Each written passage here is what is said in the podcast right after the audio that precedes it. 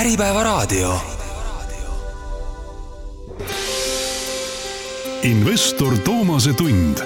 saate toob teieni ärikinnisvarasse investeeriv Baltic Horizon Fund hea Äripäeva raadio kuulaja, on teisipäev ning eetris on taas investor Toomase tund ja täna räägime sellest, kuidas saab eraisik äh, võimalikult valutult äh, käimasoleva koroona ja, ja sellest tuleneva majanduskriisi üle elada ning äh, võtame siis pulkadeks, et mida peaks oma käitumises muutma ning kuidas planeerida oma kulusid ja tulusid ja selleks oleme tänasesse saatesse palunud äh, kaks eksperti, kes ise naudivad juba finantsvabadust. Need on investorid äh, Liisi Kirk, tere hommikust, Liisi. tere hommikust. Ning äh, investeerimisklubi kaasasutaja ja, ja investor Marko Oola, tere hommikust, Marko. tere, tere ka minu poolt alustame sellest, et kas teie olite kriisiks valmis või kui ootamatult see teile tuli või kui valmis saab üldse selleks kriisiks olla? no ütleme nii, et, et siin on kahtesugust vastust, üks on see, et, et kriisiks äh, iseenesest valmis nagu ei olnud. et nüüd kohe nii äkki ja, ja haamriga nagu tuleb. aga, aga teisalt, kui vaadata, siis äh, selleks kriisiks on ju valmistatud, äh, mina vähemalt olen valmistatud kogu oma aktiivse investeerimise karjääri, mis on siin alla seitsme aasta natukene. et tegelikult need kõik teadmised, mis on siis kogutud selle ajaga on aidanud aidanud, äh, aitavad praegused otsused teha ja aitavad nagu nii-öelda valmis olla, et, et, et kui ma praegu vaatan oma investeeringutele peale, siis äh, on tehtud piisavalt mõistlikke otsuseid, et, et, et, et kõik peab vastu veel sellele langusele, mis praegu olnud on. Liisi, kuidas teie ma olen Markoga hästi nõus, et äh, vahepealsed aastad on olnud äh, väga head äh, just nende teadmiste kogumise mõttes ja võib-olla nüüd ongi nagu hea praktikasse rakendada, et, et milline on siis see päris minu kriisikäitumine, sest et ähm, kui, kuigi ma olen kümme aastat investeerinud, siis äh, viimane kriis jäi ikkagi sellest ajaperioodist välja ja kaks tuhat kaheksa, kaks tuhat üheksa mul ühtegi aktiivset tehingut veel ei olnud. jah, mina võin seda ka lisada, et, et, et siin on, äh, ma olen nagu investeerinud viimased äh, kolm kuni neli aastat selle teadmisega, et, et see kriis võib kohe kätte jõuda ja ma olen iga kord siis välja ütlenud ka kui, kui kuskil esinemine on, et, et, et, et ma olen nii palju valmistunud, kui vähegi saab ja, ja nüüd eks see kriis siis näitab, kas kogu sellel ettevalmistusel on, on jumet või mitte. Mul on üks äh, lugu siia juurde, et kaks tuhat viisteist oli viimane kord, kui me endale kodu ostsime ja ma mäletan nii hästi, kuidas hästi palju käis ajakirjandusest läbi see, et, et kas nüüd tuleb kriis ja kas nüüd tuleb valmis olla. Ja minu meelest see teema on olnud üleval iga aasta ja, ja nüüd ta siis lõpuks tuli, et vahepeal oli küll selline tunne, et kas nüüd võib hõisata, et jess, jõudis kätte. aga kui rääkida sellest, et äh, Marko, te mainisite, et, et olete juba pidevalt äh, investeerinud ka niimoodi, nagu kriis kohe tuleks, siis kuidas, kuidas te mõlemad näiteks äh, näiteks oma käitumist täna olete muutnud, et äh, kas te hoiate rohkem kulusid kokku, püüate, püüate ikkagi veel tulusid suurendada või, või kuidas see käib? jah, palun Liis, kui tahad alustada eh, mina ütleks selle kohta niimoodi, et äh, et no eks me oleme kõik selle kriisiga pidanud nüüd kohanema juba selles mõttes, et me istume kodus, teeme kodukontorit koos lastega, kinno minna ei saa, teatrisse minna ka mitte, väljas söömas käia nagu ka hästi ei taha. et selles mõttes see kulude kokkuhoid on olnud võib-olla veidi selline sunnitud, noh, ma mõtlen selline hästi isikliku pere eelarve kontekstis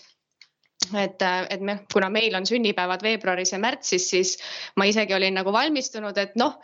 et nüüd tuleb siis see aeg, et, et nagunii on suuremad kulud, on vaja lastele sünnipäeva organiseerida, läheb rohkem toidu peale nii ja naa, aga see on nüüd kõik nagu kokku kuivanud. mis puudutab sellist nagu investeerimise poolt, siis me hakkasime aktsiapositsioone likvideerima eh, pisut siis juba, kui eh, tulid need esimesed koroonateated see oli siis jaanuaris ja veebruaris ja just eile vaatasin üle, et, et me viimase müügi tegime see oli vist üheksas märts et kui keegi viitsib graafiku lahti võtta, siis see tegelikult oli veel üsna nagu kõrge. Need positsioonid, mis praegu alles on, neid hoiame, neid äh, müüa ei, ei kavatse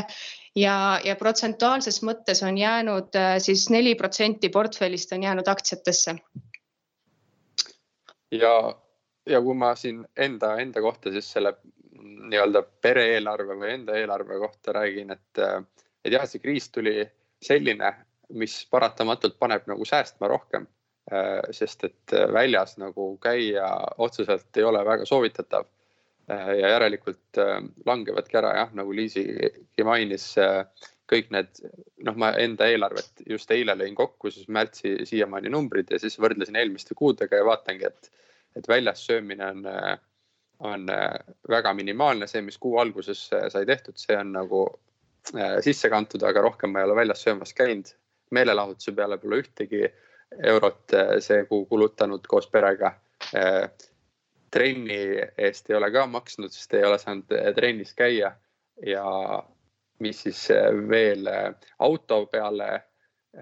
on läinud ka vähem raha, sest et vähem on sõite olnud ja, ja kokkuvõttes säästu, säästnud olen siin kuskil kolmkümmend protsenti rohkem kui, kui eelmistel kuudel tänu sellele juba, et see on natuke paratamatu jah et kui siin tavaliselt öeldakse, et, et selline kokkuhoiukuu on veebruar, sest et see on kõige lühem, inglisekeelses kirjanduses on see frugal February, siis seekord on hoopis frugal March ja tundub, et järgnevad ka frugal April ja May. nii et on selline jah, sunnitud kokkuhoiu koht praegu. Saab isegi öelda jah, et kui on frugal February äh, muidu, siis praegu on minimalistic March. jah ja see minu meelest peegeldub kuludes ka väga hästi, et ainukesed kulud, mida teha saab, on eluase ja toit ja rohkem nagu väga ei olegi midagi. ma võin äh, veel lisada selle juurde jah, et, et kui Liisi rääkis ka nüüd investeeringute poolest natuke juurde, siis äh,, siis äh, mina nii-öelda aktsiapositsioone ei hakanud realiseerima äh, siin, kui esimesed uudised tulid või tähendab, ma tegelikult olin aasta alguses ise olin Singapuris ja, ja, äh, ja Kagu-Aasias, nii et ma, ma nägin, kuidas Singapuris äh, esimene juht, juhtum tuli. kuigi see tundus kõik Eestist nagu väga kaugel olevat ja siis ma jõudsin reisilt tagasi, jõudsin veel kaks nädalat ilusti kodus olla ja siis äh,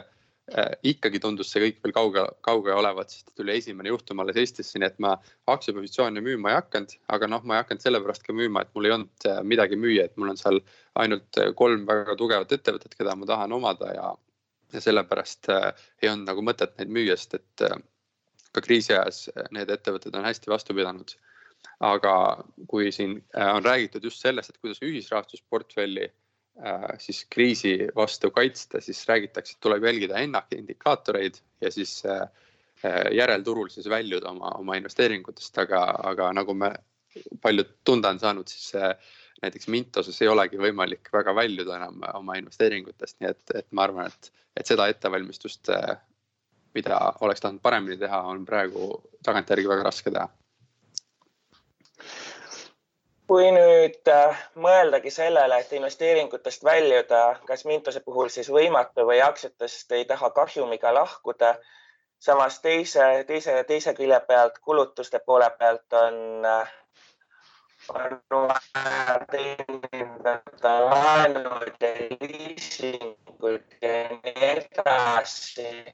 sellest, et ei need laenud kui suur peaks olema meie fond. Et, et mis järjekorras siis äh, tegutsema hakata, et, äh, et, äh, et ma siis vastan niimoodi sellele poolele küsimusele, mida ma hästi kuulsin, on see, et, et, et esimeseks, mida teha saab et, et kriisiks nii-öelda valmisollu või ise, mida isegi täna saab tegema hakata, on see, et tuleb eelarvet kindlasti jälgima hakata, et tuleb vaadata, kuhu raha kulub ja, ja kui palju seda kulub, ehk sealt tekivad säästud, siis neid sääste peaks äh, kindlasti suunama siis esimesena meelerahufondi ehk et praegu on kõigil selline teadmata mis tuleb edaspidi, ehk et kas töökoht säilib, võib-olla paljudel on see küsimus ja, ja kas palgad jäävad samaks, seega meelerahufond on just see, mis aitab need rasked ajad üle elada. ning peale seda, kui meelerahufond on, on meelerahufond on üles ehitatud, siis tuleks vaadata üle, kas, kas seda raha hakata investeerima või seda raha siis selle rahaga maksta mingeid suuremaid ja kallimaid suure, suurtemate intressidega laene tagasi hästi nõus sellega, mis Marko just ütles, et see eelarve on tegelikult selline ausa pildi maalimine, et mis praegu toimub, kustkohast üldse raha tuleb ja kust kohta ta läheb ja ma võib-olla tooksin siia juurde sellise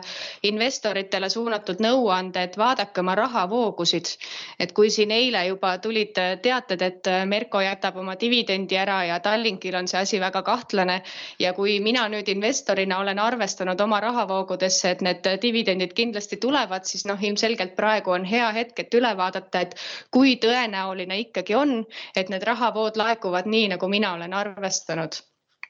see rahavoogude pilt on nagu selline eelarve juurde ka selline hea peegel, mis annab sulle selle, et, et kui palju seda raha päriselt peale tuleb, kas ma saan selle kaudu oma meelerahufondi praegu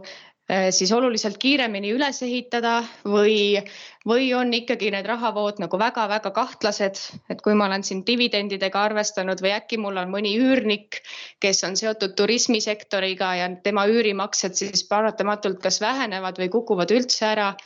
et selles mõttes on hea aeg nagu teha sellist inventuuri ja vaadata ja proovida enda vastu hästi aus olla, et, et kui, kui tõenäoline on, et ma kusagilt mingi raha kätte saan kui nüüd mõelda selle peale, et väga paljudel eestlastel ei olegi sääste ja tõenäoliselt äh, ka ettevõtted, kus nad töötavad, äh, võivad sattuda löögi alla. kuidas nemad peaksid tänase kriisi üle elama, kas, äh, kas nendel on üldse võimalus ellu jääda? Ma... ellu jääda on alati võimalus Sorry, Marko, ma võtan siit et ja. mul oli just eile selline moment, kus äh, üks minu tuttav küsis mu käest, et ta on äh, turismisektoris aastaid töötanud. hetkel istub ta kodus äh, neljakümne protsendiga oma eelmistest sissetulekutest ja, ja et noh, mis siis nüüd teha, et ütle ausalt, Liisi, et kuidas olukord on, et kas mul on lootus, et, et ma saan tööle tagasi, millal ma saan tööle tagasi, mis palgaga ma saan tööle tagasi või mida ma nüüd teen. ja see on tegelikult selline, ma arvan, et väga paljusid puudutav mure praegu ja siinkohal ma võib-olla ei räägigi investoritest, kellel on ehk nagu mingi rahaga kõrvale pandud. Ja mida siis siin teha, et, et seesama, mis Marko enne ütles, et aga vaatage oma eelarvet ja võib-olla prioritiseerida neid kulusid, et meil on meil on kõikidel neid kulusid ka, mis tegelikult ei ole nii olulised, et noh, kui siin headel aegadel kaks autot perekonnas oli täielik normaalsus, siis võib-olla nüüd ei ole see enam nii oluline võib-olla peaks vaatama, et, et needsamad meelelahutuskulud, mis on nagunii ära kukkunud, et kui palju tegelikult nende peale läks, et ehk et endale selgeks teha, mis on need nii-öelda baaskulud, mida ma pean iga kuu ära maksma selle jaoks, et säilitada sellist äh, normaalset äh, elustandardit ja mis on tegelikult see ekstra selline mugavuskulu ja, ja see, mida ma saan endale lubada headel aegadel ma arvan äh, ise ka seda, et, et praegu on see aeg siis, äh, kus äh, tuleb nii-öelda kriisimeetmed kasutusele võtta, kui endal tõesti on, sääste ei ole ja, ja sissetulek on ära kukkunud, ehk et tuleb tõesti seda püksirihma kaks, kaks siis sammu koomale tõmmata ja tuleb hästi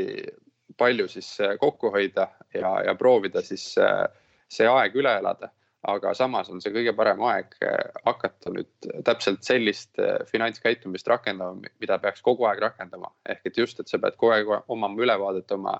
sissetulekutest ja väljaminekutest ja siis selle kaudu saab säästa ja see aitab siis eh, järgmistes kriisides olla paremas positsioonis. ehk et, et see tegevus on, see on üks asi, mida me kohe teha saame kõik, et, et sellega peaks alustama ja seda peaks jätkama niikuinii ja siis kõrvalt siis vaatama, kuidas vähegi saab praeguse aja üle elada, kas see on tõesti ajutiselt äh,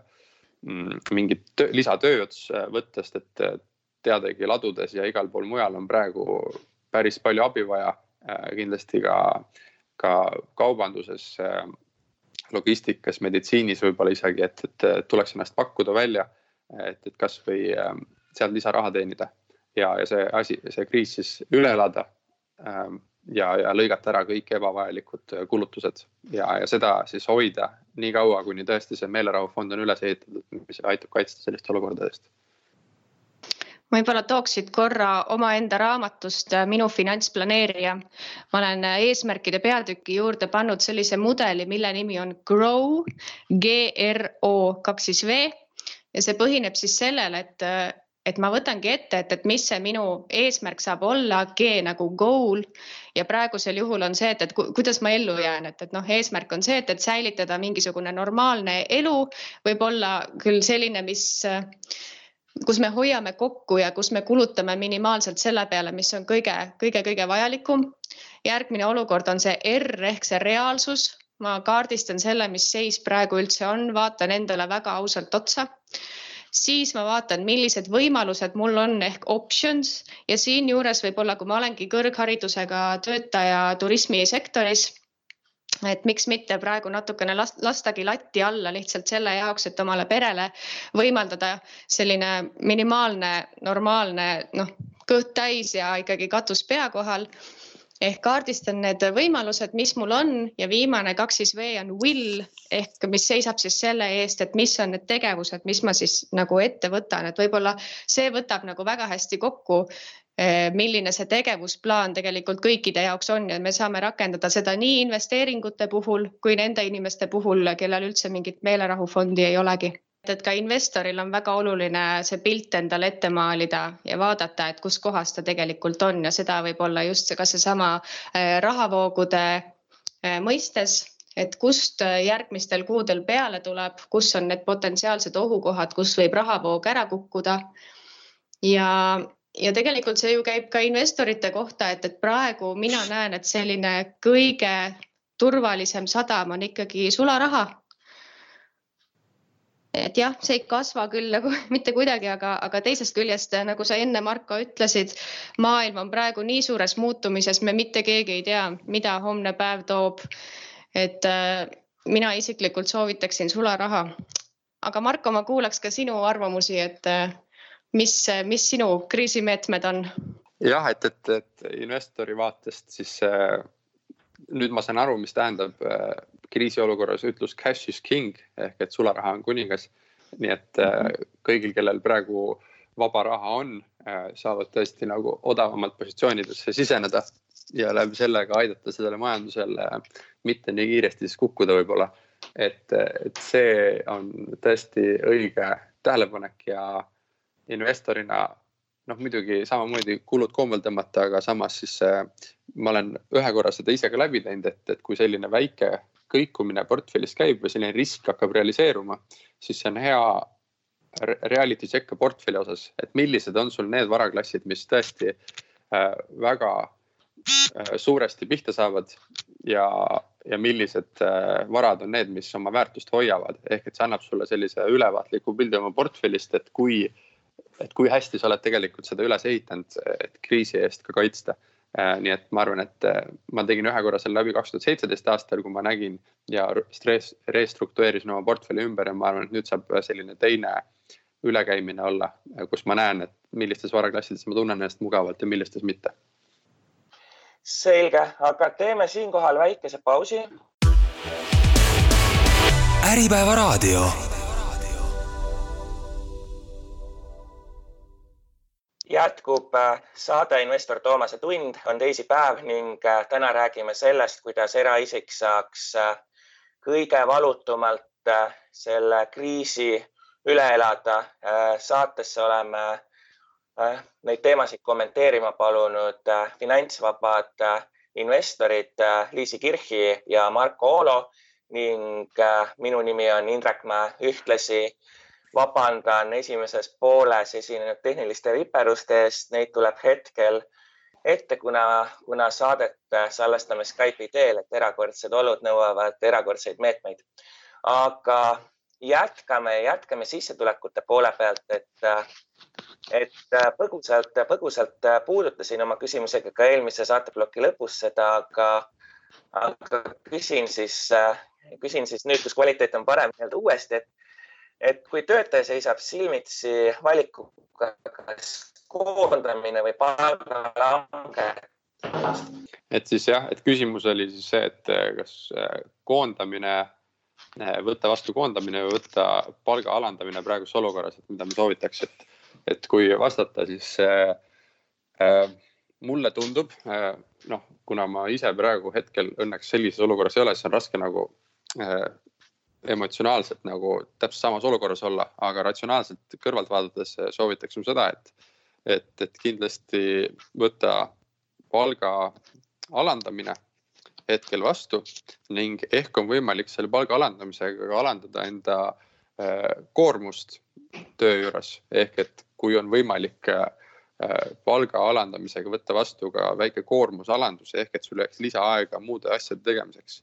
siis saab seda lisaaega kasutada ära äh, lisatööde tegemiseks või, või lisasissetuleku leidmiseks, et, et see oleks selline alternatiiv, ma arvan äh, ja, ja muidugi kogu selle asja juures tuleb kulusid ikkagi koomale tõmmata. Teie näete?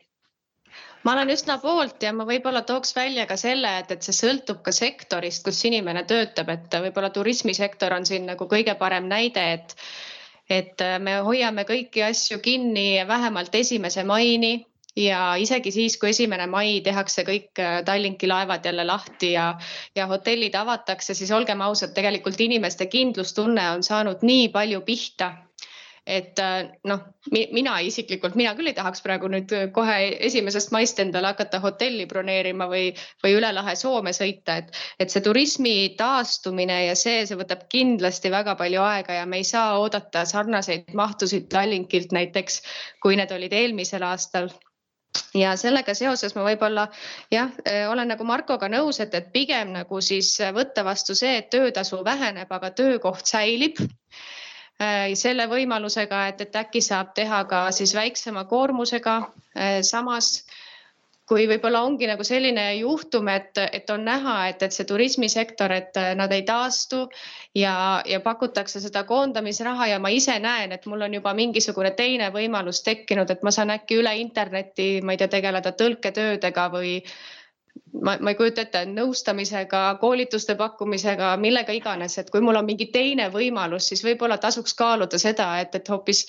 mingisugune muu äh, selline väljakutse praegu vastu võtta, proovida midagi teist teha, eriti siis, kui inimesel on see mõte juba ammuilma peas olnud.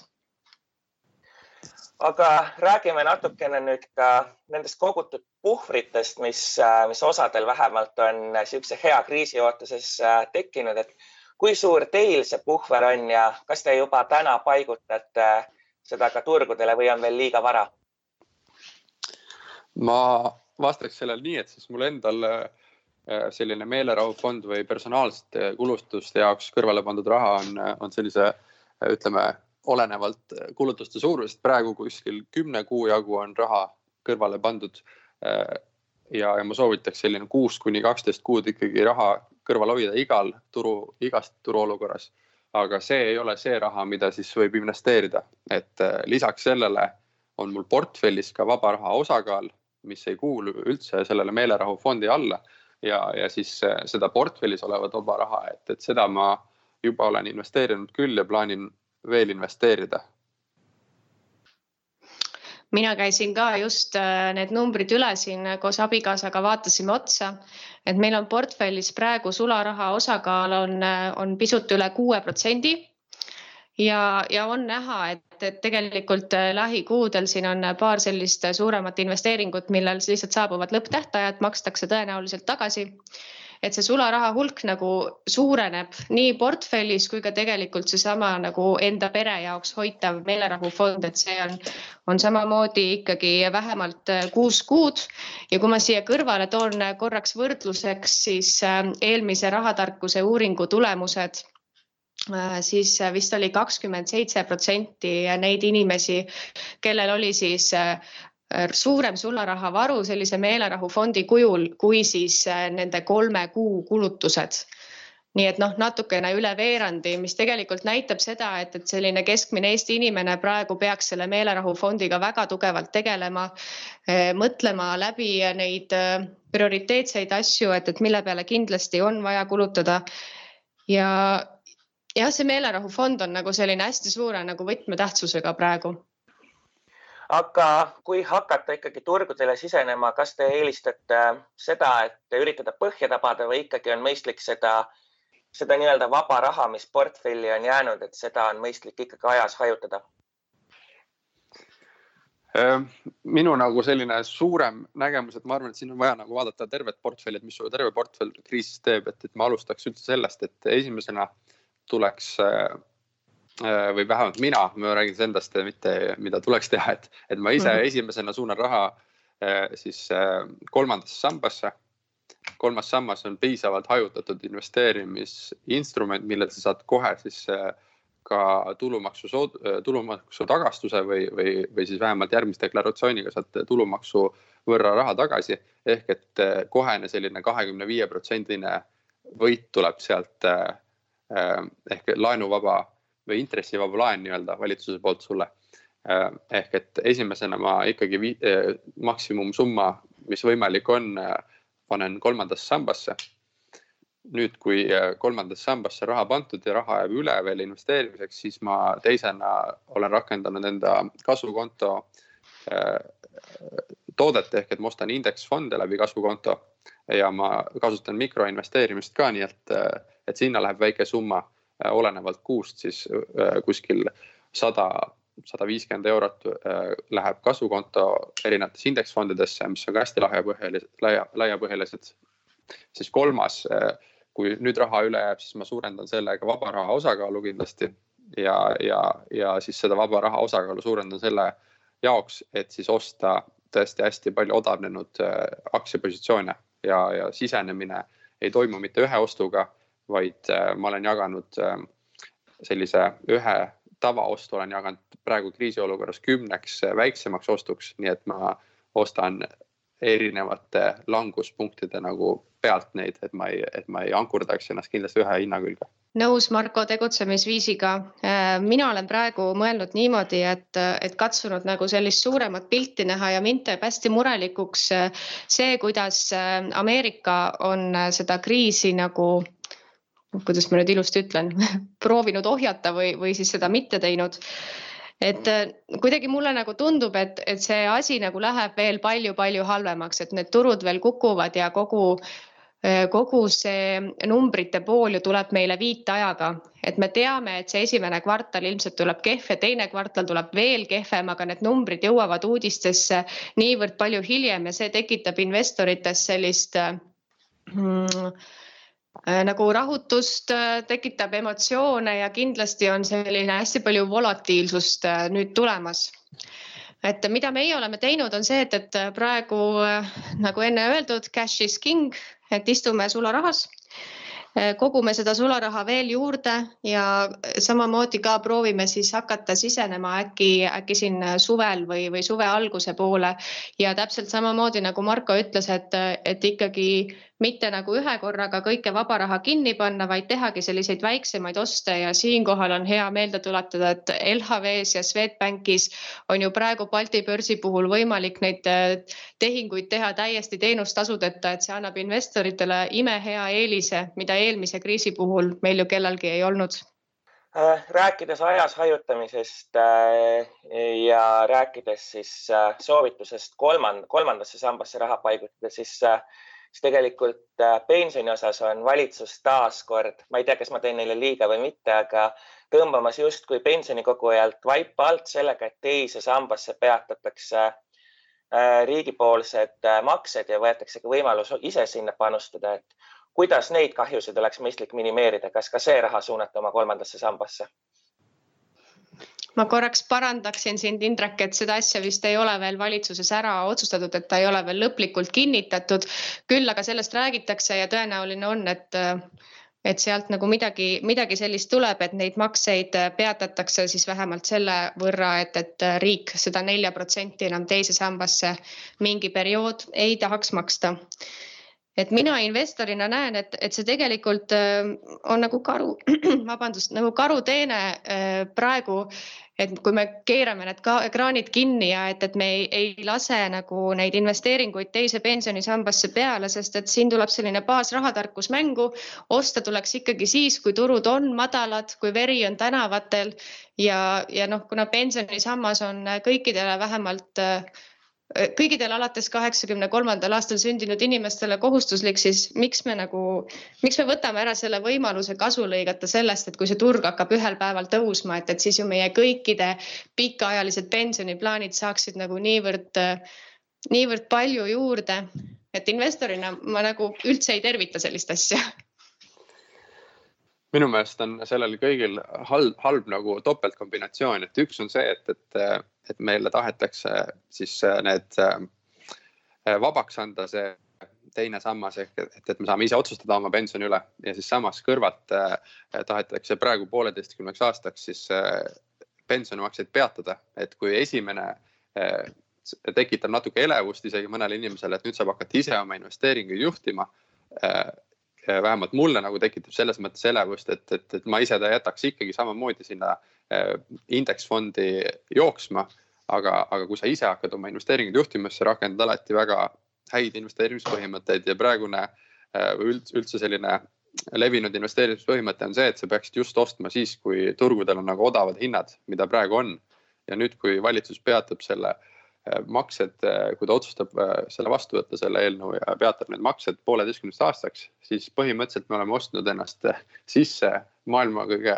või mina olen ostnud ennast sisse siis maailma kõige pikema pullituru ajal, kus on hinnad kõige kallimaks läinud. siis, kui on hinnad nüüd langenud, ma ei saa osta ja pooleteist aasta pärast, kui nad on jälle tõusnud, siis ma saan jälle osta, nii et äh, kokkuvõttes äh, äh, ise ma selliseid otsuseid absoluutselt ei teeks. nii et äh, see tekitab nördimust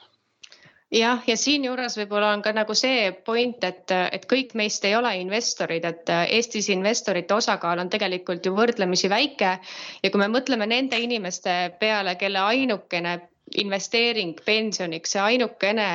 asi, mis lubab neil lubab neil saada natukenegi suuremat pensionit kui ainult esimese samba pakutav, siis me võtame nendelt ju selle kogumisvõimaluse ära.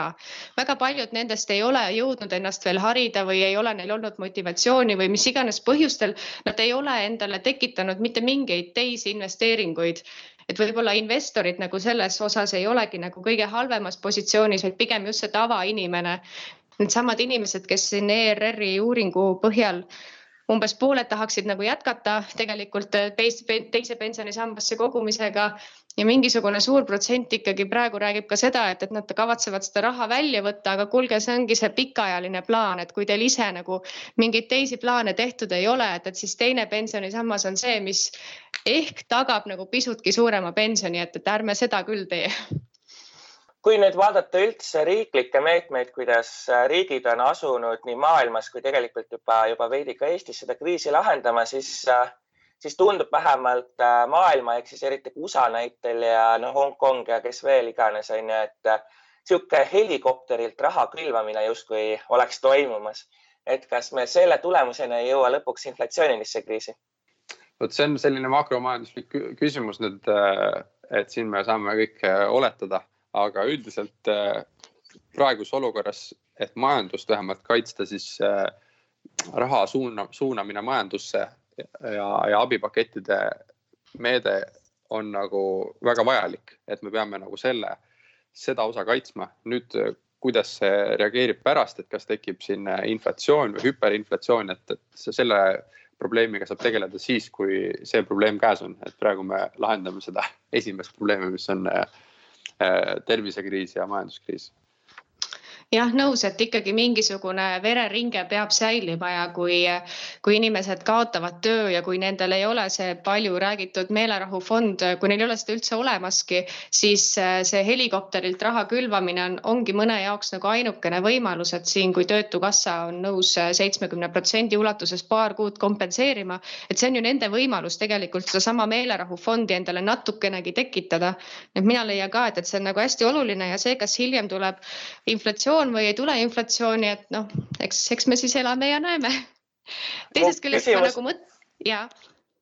mu küsimuse tagamõte oligi tegelikult see, et äkki oleks praegu mõistlik võtta madala intressiga laene, võimale viimased kodud ära osta, sellepärast et kui inflatsioon tuleb, siis on seegi investeering. ma arvan, et praegu tuleb vaadata seda, et praegu on ikkagi deflatsioon äh, ja deflatsiooniline turg, et, et praegu tuleks siis hoida hästi palju raha ja, ja siis, kui hakkab inflatsioon tekkima, et äh, siis tuleb see raha varadesse paigutada. ja, ja laene võtta ehk et, et, et praegu ikkagi tundub, et on, on raha on kuningas ja varsti on varad on, varad on kuningas nii-öelda Nende laenude puhul ma võib-olla tooks ka selle nagu vaate siia sisse, et, et väga palju sõltub, et noh, et mis sa selle laenuga siis praegu peale hakkad, et võtad laenu ja siis hoiad lihtsalt pangakontol, et võib-olla see ei ole kõige targem teguviis. aga teisest küljest, kui sul praegu ongi terendamas mingi ülihea projekt on ju, ma ei tea saad osta kortereid hulgi kokku, siis võib-olla see laen on nagu hea mõte, et ja kui sul on endal nagu väga kõvasti usku sellesse, et kinnisvara hinnad lähevad veel ülesse, noh, see ongi nagu väga palju selline stsenaariumite läbimõtlemine, et millesse sa parasjagu usud, et mina isiklikult praegu laenu võtma ei tormaks. aga mis on need esimesed äh, turvasadamad, kuhu Äh, kuhu teie siis hakkate, kas siin oli juttu kümneks jaotamisest, nii edasi, kuhu teie hakkate või mis instrumentidesse teie hakkate täna raha tagasi investeerima? mina isiklikult olen endale teinud sellise äh, aktsiate listi, äh, millel praegu silma peal hoida ja, ja mulle nagu tundub, et aktsiad on nagu üks selline koht, kus see, kus sellist järsku tõusu nagu ühel hetkel võiks kindlasti oodata aktsiad on ajalooliselt olnud ka esimesed, mis on hakanud niimoodi nagu kiiremini tõusma, et, et kui me hakkame siin näiteks vaatama kinnisvaraturgu, siis äh, kinnisvaraturu äh,, kinnisvaraturgu jõuavad need hinnad äh, siis kuskil pool aastat äh, või mitte hinnad, vaid kinnisvaraturgu jõuab see mõju kusagil pooleaastase viitega ja see tähendab ka seda, et see taastumine tuleb nagu hiljem, et, et minu sihiks on aktsiad ja siinjuures ongi nagu oluline vaadata ka, et, et need ettevõtted oleksid sellised fundamentaalselt äh, tugevad, et neil ei oleks väga suurt võlakoormust. Ähm, mõelda ka läbi neid stsenaariume, et kui palju nad on mõjutatud sellest äh, turismist ja sellest, mis praegu nagu toimub, et et jah, mina isiklikult panustaks aktsiate peale. Marko, kuidas sina? et ma hetkel siis äh, vaikselt juba panustan aktsiate peale, et ma ise olen siin noolin vaikselt äh, Balti turu tugevamaid ettevõtteid kõiki, et, et olengi siis jaganud oma, oma ostusumma nii-öelda, mis ma osta tahan, olen jaganud kümneks kuni kaheteistkümneks osaks ja siis tükikaupa ostan, et seda toetab see te te teenustasude kaotamine ka, mis just hiljuti vastu võeti. Äh, ja, ja siis paar sellist mõtet, mida ma jälgin või, või mida ma praegu enda peast läbi lasen, on see, et, et, et mida nüüd USA turult vaadata, et vaadates neid tehnoloogiamaailma suurimaid äh, ettevõtteid nagu Facebook, Amazon, äh, Apple, äh, Netflix ja, ja nii edasi, et, et siis enamus neist istuvad rekord suurte rahanumbrite otsas ehk neil on kontol nagu rekord, rekordsuuruses siis raha. ja, ja nüüd on, kui, kui tõesti majandus langeb, siis on neil võimalik osta üle võtta, üle, üle võtta, teha, osta teisi ettevõtteid väga odavate hindadega, nii et võib-olla just tehnoloogiamaailma ettevõtted on need, mis, mis taastuvad hästi kiiresti sellest äh, võimalikust äh, süvenevast kriisist, aga, aga see on selline spekulatsioon, millele ma praegu silma peal hoian. ja kindlasti üks asi, mida, mida ma olen ka siin näpuotsaga ostnud, on siis äh, vanameistri Warren Buffetti Berkshire Hathaway, mis on piisavalt suurelt hajutatud tõesti soodushinnaga praegu saadaval aktsiamarketil ja, ja ma arvan, et, et, et Warren Buffett isegi teab kaudselt, kuidas raha trükkida, nii et, et, et tema sellest kriisist kindlasti väljub võitjana, ostab isegi, ma arvan, Berkshire Hathaway aktsiaid äh, endale tagasi. selge, aga meie saateaeg on kahjuks tänaseks otsas. aitäh, Liisi Kirch, aitäh äh, Marko Oolo täna hommikul investor Toomase tunniga liitumast. investor Toomase tund on eetris taas nädala pärast. investor Toomase tund. saate toob teieni ärikinnisvarasse investeeriv Baltic Horizon Fund.